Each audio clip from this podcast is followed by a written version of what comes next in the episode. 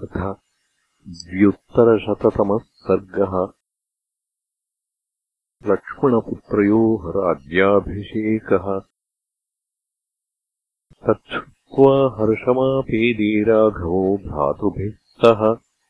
वाक्यम् चाद्भुतसङ्काशम् तदा प्रोवाच लक्ष्मणम्। इमौ कुमारौ सौमित्रे तव धर्मविशारदौ अङ्गदश्चन्द्रकेतुश्च राज्यार्थे दृढविक्रमौ। इमौ राज्येऽभिषेक्ष्यामि देशः साधु विधीयताम् रमणीयो ह्यसम्बाधो रमेताम् यत्र धन्विनौ। न राज्ञो यत्र पीडा स्यात् नाश्रमाणाम् विनाशनम्। स देशो दृश्यताम् सौम्य मापराध्यामहे यथा। तथोक्तवति रामे तु भरतः प्रत्युवाचः। अयम् कारुपथो देशो रमणीयो निरामयः। निवेश्यताम् तत्र पुरम् अङ्गदस्य महात्मनः।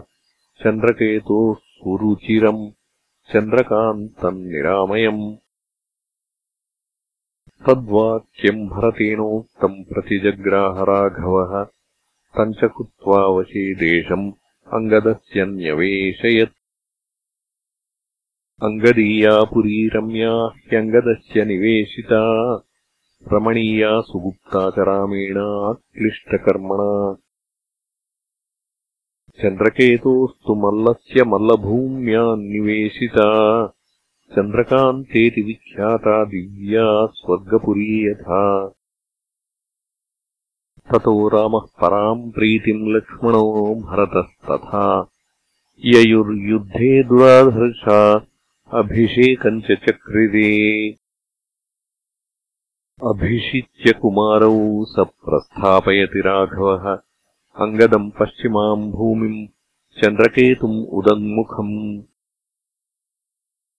अङ्गदम् चापि सौमित्रिः लक्ष्मणोऽनुजगामः चन्द्रकेतोस्तु भरतः पार्ष्णिग्राहो बभूवः।